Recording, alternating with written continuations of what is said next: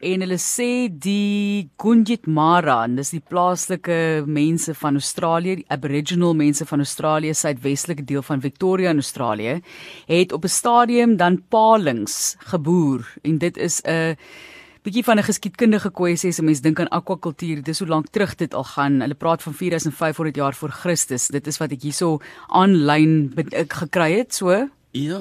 Ja, die, die, die Gregoriaanse kalender wat hulle van ja, praat. Ja, die Gregori Gregoriaans. Gregoriaanse kalender.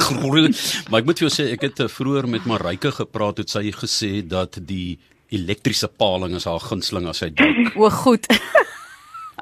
Dit sluit mooi aan dan ook hierso. Ons praat ook van China byvoorbeeld wat duisende jare gelede ook op op hulle eie manier dan akwakultuur toegepas het. Maar om vir ons meer daarvan te vertel vandag en natuurlik volhoubare akwakultuur want weet jy Marike mense gaan winkel toe dan hoor jy goed hierdie is nou geboorde vis of dit is geboorde spesifiek as mense nou dink aan hoe swaar sekere praktyke van visvang en garnale dan nou vang as ek kan sê mens vang 'n garnaal eintlik sleg is vir die omgewing. En mense dink akwakultuur is nie sleg vir die omgewing nie maar daar is ook kwessies van volhoubaarheid hier ter sprake. Mreike Massin uitvoerende hoof van Twee Oseane Aquarium op Voedkundigstichting aan die woord. Welkom.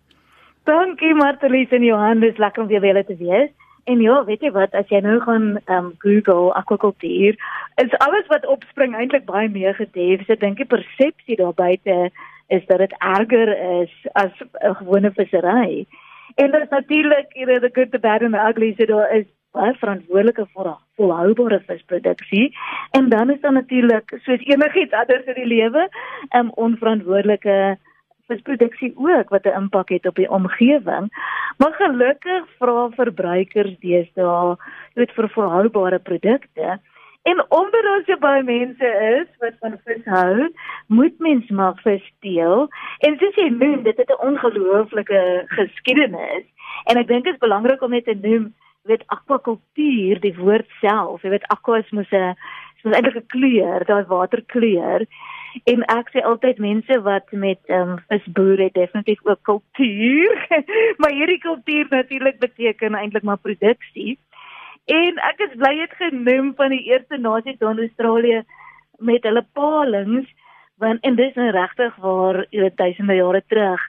En dieselfde tyd lei dit toe hulle geboer het met palings het ja China het meer geboer met kurper en nog steeds. Dit is 'n skrikkelike groot produksie.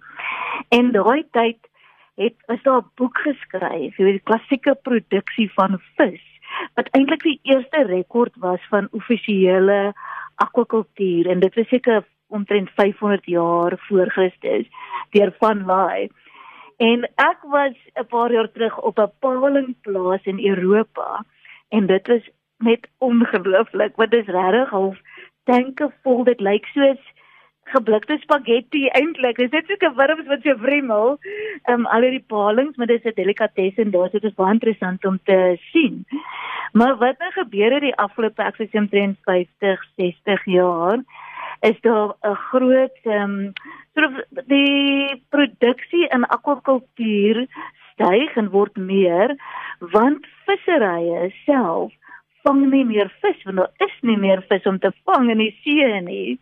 So dit is 'n alternatief vir visserye. En ons praat van groot volumes, jy weet met miljoene, miljoene tonne sodat mense dit kan eet en en heidaglik ek dink die wêreld se visserye vangs is nou 70 miljoen ton per jaar en akwakultuur is nou weet ver oor die 100 miljoen ton. En ek dink nie mense besef dat as jy na 'n restaurant toe gaan, is helfte van die seekos of die vis wat jy eet is gewoonlik geboer. En daar's baie goeie sertifikasies in plek, veral in Suid-Afrika. So as jy dink aan wat word hier geboer en in Suid-Afrika is akwakultuur ook al oor 100 jaar in plek en dit begin met forel en jy weet daar in Jonkershoek En daar's natuurlik nog steeds forel in die Wes-Kaap en die Oos-Kaap en Mpumalanga.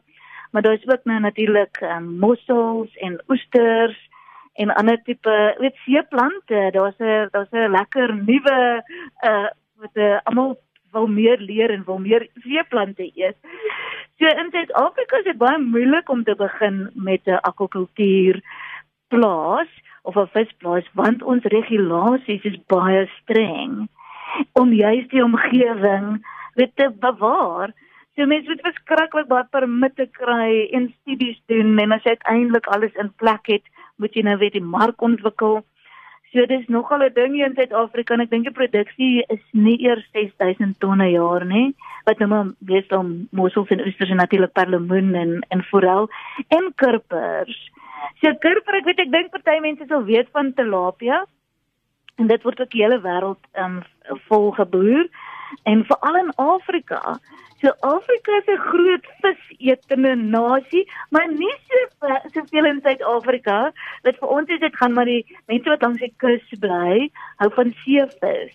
En ons ken nie eintlik varswatervis so goed nie, maar dis regtig 'n baie goeie proteïen en 'n baie goeie ding om in jou dieet in te sluit solank dit van 'n volhoubare 'n plek afkom.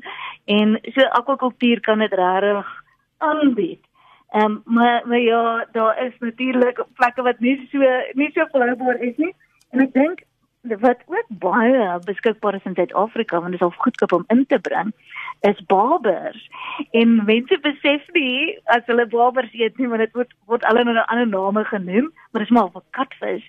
En dis ook gesonde vleis. So so ja, dit is definitief 'n um, 'n groot aspek aan akwakultuur wat wat jou wat meer is as wat mens net lees dit op die internet of of in die koerant en nou juis is daar baie bewusheid soos om visserye en akwakultuur as gevolg van dis dokumentêre fliek so Seaspiracy wat ek dink baie mense gekyk het en oor praat juis en in iets soos Seaspiracy praat hulle vreeslik oor hoe voer mens nou hierdie vis op 'n visplaas? Jy weet gooi net kom vis in so vis eet vis. En ek dink juis in hierdie fliek noem hulle dit het verskriklik baie vis nodig om vis te groei. En dit is glad nie meer die geval nie want as jy nou vis boer die belangrikste ding is om dit so effektief moontlik te doen en die visse moet so gesond as moontlik wees. Want as iemand nou nie gesond is of jy nou mens is of jy nou vis is dan gaan jy mos nou nie groei nie.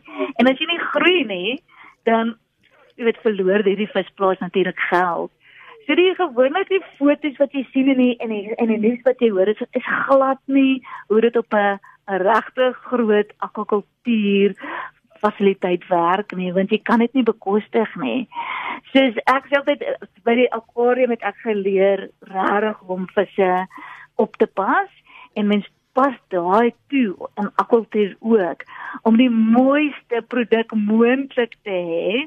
En ek dink ook mense dink weet salm is die grootste moeilikheid en al daai salmhokke en hulle almal dink daar's die vis is op hormone en op antibiotika, maar daar's so baie reëls en regulasies dat jy kan nie vis bemark as hulle nie voldoen aan die gesondheidsregulasies nie.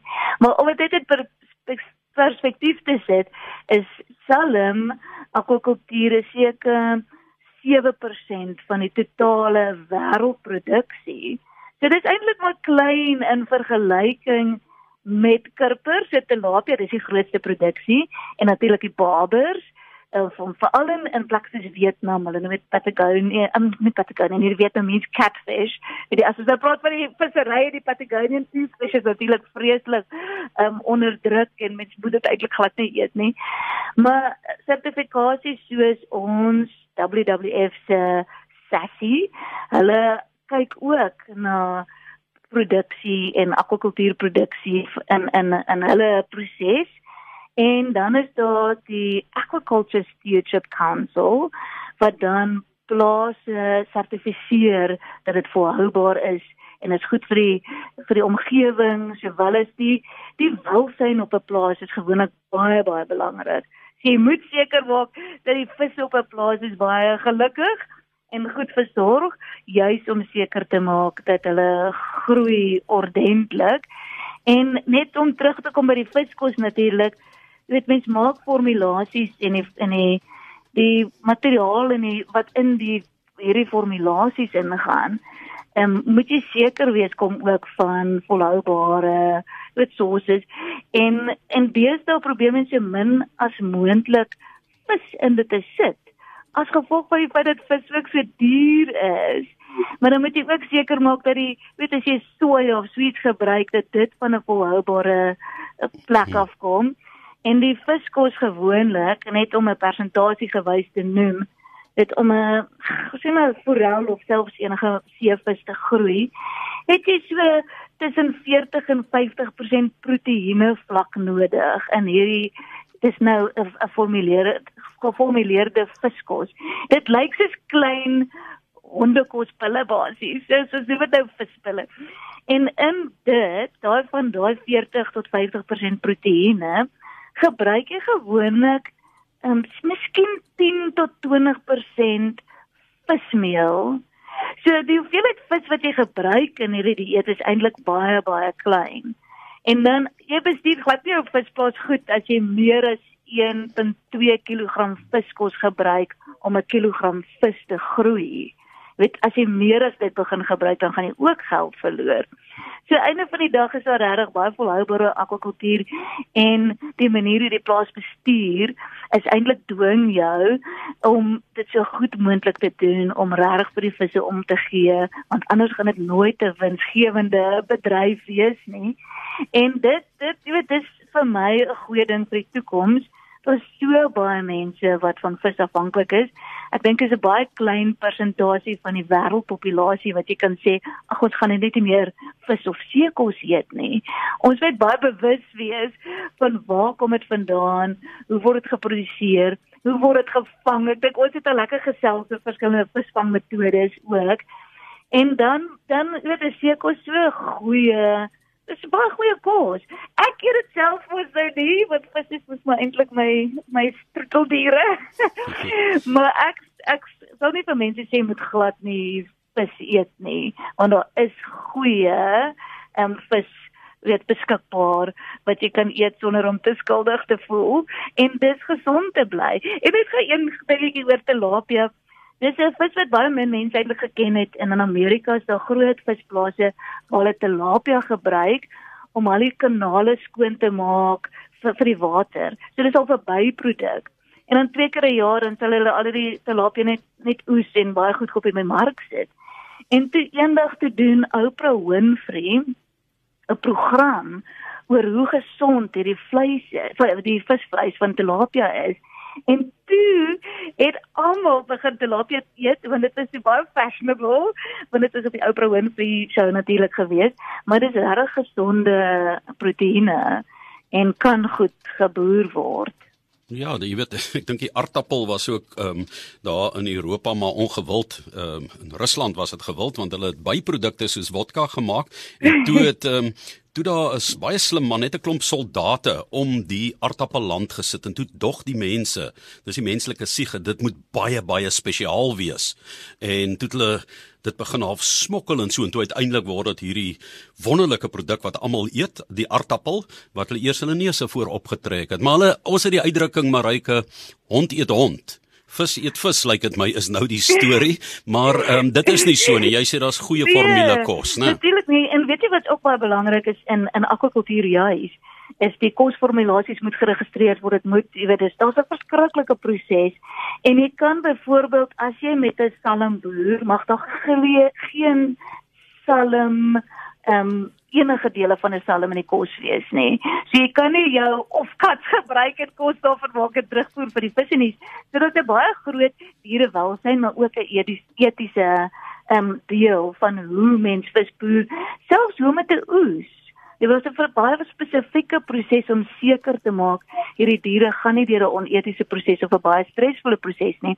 En as jy dit vergelyk met 'n visserye met 'n groot net wat alle visse opskep, is die reëls en regulasies baie baie streng in akwakultuur.